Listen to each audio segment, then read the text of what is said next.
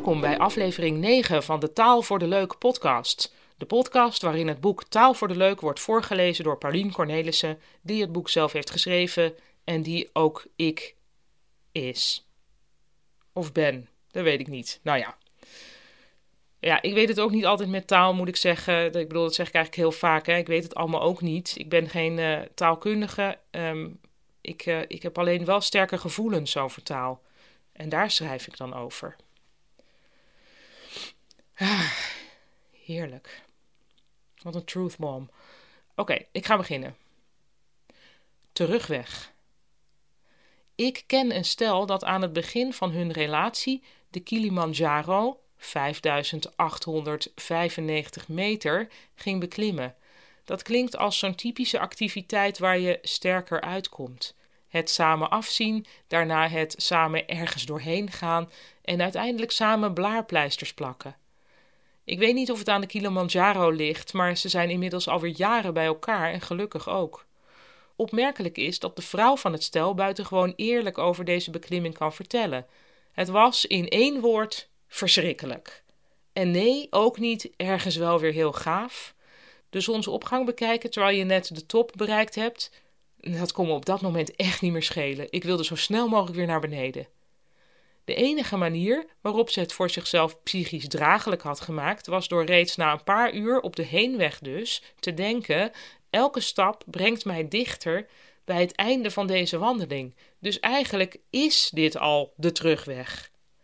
Ik vind dit een eye-opener van je welste. Zodra je begint, ben je eigenlijk al bezig met terugkeren.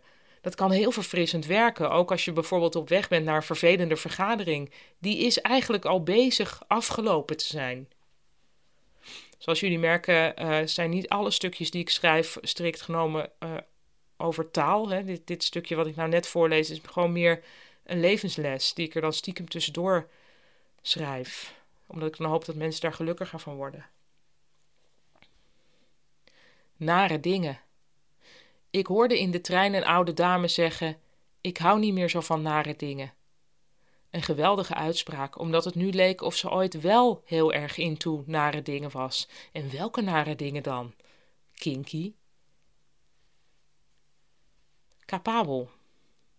Zou er een beroep bestaan waarin het wel een compliment is als je de bedrijfsleider wordt genoemd? Waarschijnlijk alleen als je officieel de bedrijfsleider bent, en dan is het eigenlijk geen compliment, maar een constatering. Ooit noemde Felix Rottenberg Diederik Samsom, die toen nog PvdA-fractieleider was, de bedrijfsleider, waardoor we ons Samsom allemaal gingen voorstellen met een foute dasspeld, of zijn das spelde altijd fout, in een raamloos kantoortje bellend met iemand van de afdeling laden lossen. Omdat het woord zoveel beelden oproept, is het onmogelijk om de duiding de bedrijfsleider terug te nemen of te verzachten. Rottenberg deed wel een poging. Hij kwam in de wereld draait door vertellen dat hij Samsom heel capabel vond. Capabel, dat is nog veel erger dan de bedrijfsleider. Marja werkt hier sinds vorig jaar als creatief therapeut en ze is heel capabel. Daarin hoor je al, Marja doet niet echt iets fout, maar hoe komen we zo snel mogelijk weer van haar af? Iemand capabel noemen ligt in dezelfde sfeer als iemand een vakvrouw noemen of een harde werker. Iemand die capabel is, heeft geen nieuwe ideeën en komt nooit met iets verrassends. Capabel is een grijze archiefkast op een beige tapijt. De vraag blijft waarom Rottenberg deze dingen zei. Officieel had het vast iets van doen met zorgen maken over de koers van de P van de A, maar eerlijk gezegd denk ik dat zulk soort oprispingen een veel kinderachtiger oorsprong heeft. Diederik pakte op een of ander P van de A-congres het laatste toosje wildpaté, terwijl Felix daar zijn oog op had laten vallen. Ik ben ervan overtuigd dat vanuit dit soort kleine irritatietjes en beledigingjes oorlogen kunnen ontstaan. Struisvogelpolitiek. Het was een impulsactie. Ik liet mijzelf masseren. Ik mocht alvast gaan liggen op een massagebank met zo'n gat erin, waardoor je je hoofd niet opzij hoeft te draaien, maar naar de grond kijkt. Ik vind dat een nogal fatalistische houding. De masseuse was er nog niet, dus ik wachtte hulpeloos op wat komen ging. Ik voelde mij een struisvogel. Omdat ik verder toch niets te doen had, dacht ik na over die vogel: dat hij zijn kop in het zand steekt omdat hij denkt dat anderen hem dan niet zien. Dat klonk me ineens vanuit evolutionair oogpunt wel erg raar in de oren. Na de massage kon ik lekker gaan googelen op dit onderwerp en inderdaad, het bleek een mythe. Struisvogels steken hun kop helemaal niet in het zand, want onder de grond, en nu komt hij, onder de grond kun je niet ademen. dat is voor mij echt een verrassing. Ze hebben alleen een kleine kop. Soms zijn ze bezig hun eieren te keren en die liggen in een kuiltje. Van een afstandje lijkt het alsof hun kop dan in de grond verdwenen is. Oké, goed opgelost, maar hoe was het mogelijk dat ik dit gegeven altijd voor waar had aangenomen? Wat heeft de struisvogel uitgestraald, waardoor er massaal wordt gedacht: tja, dat doen ze nu eenmaal. Van een leeuw hadden we dit toch nooit aangenomen, maar de struisvogel met zijn paniekerige blik, ja, waarom niet? Wij hebben de waarheid omtrent de struisvogel niet willen zien, en dat is op zich een soort struisvogelpolitiek. Deze ontdekking deed mij ook ineens twijfelen aan het volgende. Als kleine kinderen hun handen voor hun ogen doen, dan denken ze dat ze onzichtbaar zijn. Dat is het geloof. Maar wat ik in praktijk vooral vaak meemaak, is dat een kind haar handen voor haar ogen doet en dat de volwassenen in de omgeving dan roepen: Waar is Marietje nou? Als de handen weer weggehaald worden, ha, daar is Marietje. Dan ga je, kind zijnde, je conclusies inderdaad wat trekken. Maar zou een kind ook van nature geloven in het ik zie niks, dus ik ben onzichtbaar principe? Tijdens het googelen ontdekte ik dat giraffes hun oren schoonmaken met hun tong. En dat is wel echt waar.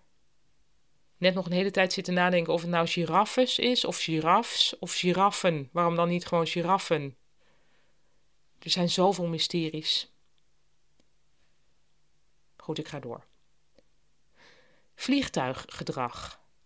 Van een piloot hoorde ik ooit dat hij en zijn medepiloten aan passagiers refereren als self-loading cargo. Hij werd heel blij van dit grapje. Wat ik ergens ook wel kan begrijpen. Is er een beroep waar je harder met de zinloosheid van het bestaan geconfronteerd wordt dan wanneer je boven de wolken vliegt, zonder enige connectie met de aarde en er achter je een kudde stinkende mensen nootjes zit te eten?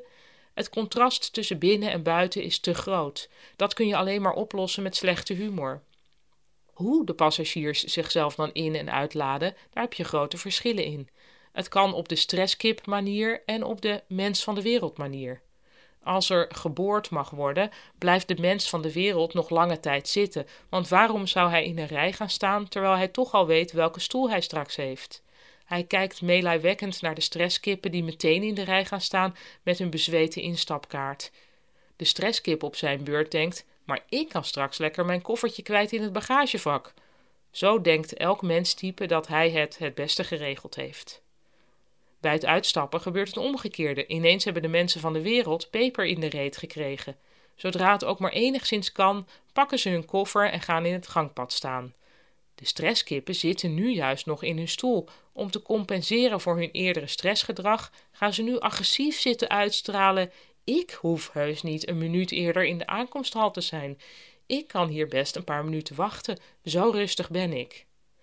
Zo is iedereen tevreden.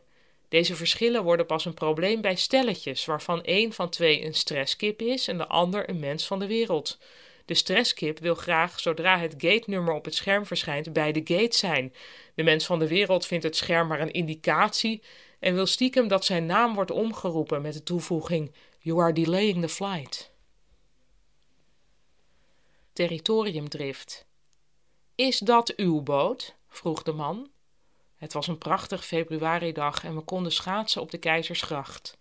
We stonden met tranen van ontroering te kijken naar de oude dame die toch het ijs op wilde en door iedereen geholpen werd. Er waren glimlachende Italiaanse toeristen met grote Amsterdam-mutsen. Er waren euforische Amerikaanse ijshockeyers. Het was even de ideale wereld, daar op de Keizersgracht. Toen onze zoon van bijna drie er genoeg van had, gingen we het ijs af via een bootje dat daar lag. En toen kwam die man. Is dat uw boot? Ik voelde meteen dat dit geen vraag was, maar een territoriumafbakening. Ik nam hem de wind uit de zeilen door te zeggen: Oh, pardon, we zijn zo weg. Waardoor hij alleen maar kon mutteren: Want hier zit ik dus niet op te wachten. Maar waar zou hij wel op zitten wachten? Als ijsgeluk op de Keizersgracht al niet is waar je op zit te wachten, dan ben je waarschijnlijk klaar met leven. Even later zag ik de man proberen zijn auto in te komen. Het was een piepklein glimmend autootje. Het leek wel een hoestbonbon. Hij had hem tussen een boom en de gracht geparkeerd, niet op een parkeerplek. Er staken takjes uit de boom die dreigden krasjes te maken op de hoestbonbon als hij weg zou rijden. De man haalde een mes tevoorschijn en begon takken af te snijden. Alles in mij wilde roepen: Is dat uw boom? Wederom hield ik mij in. Misschien speelde er in het leven van deze man wel iets waardoor hij mildheid verdiende. Of misschien was het toch gewoon een lul, want die heb je ook. Toen hij de boom had bijgesnoeid, zag ik hem woedend uitparkeren, om daarna meteen woest in te parkeren op een vrije, legale parkeerplaats ernaast. Die parkeerplaats, dat was waar hij op had zitten wachten.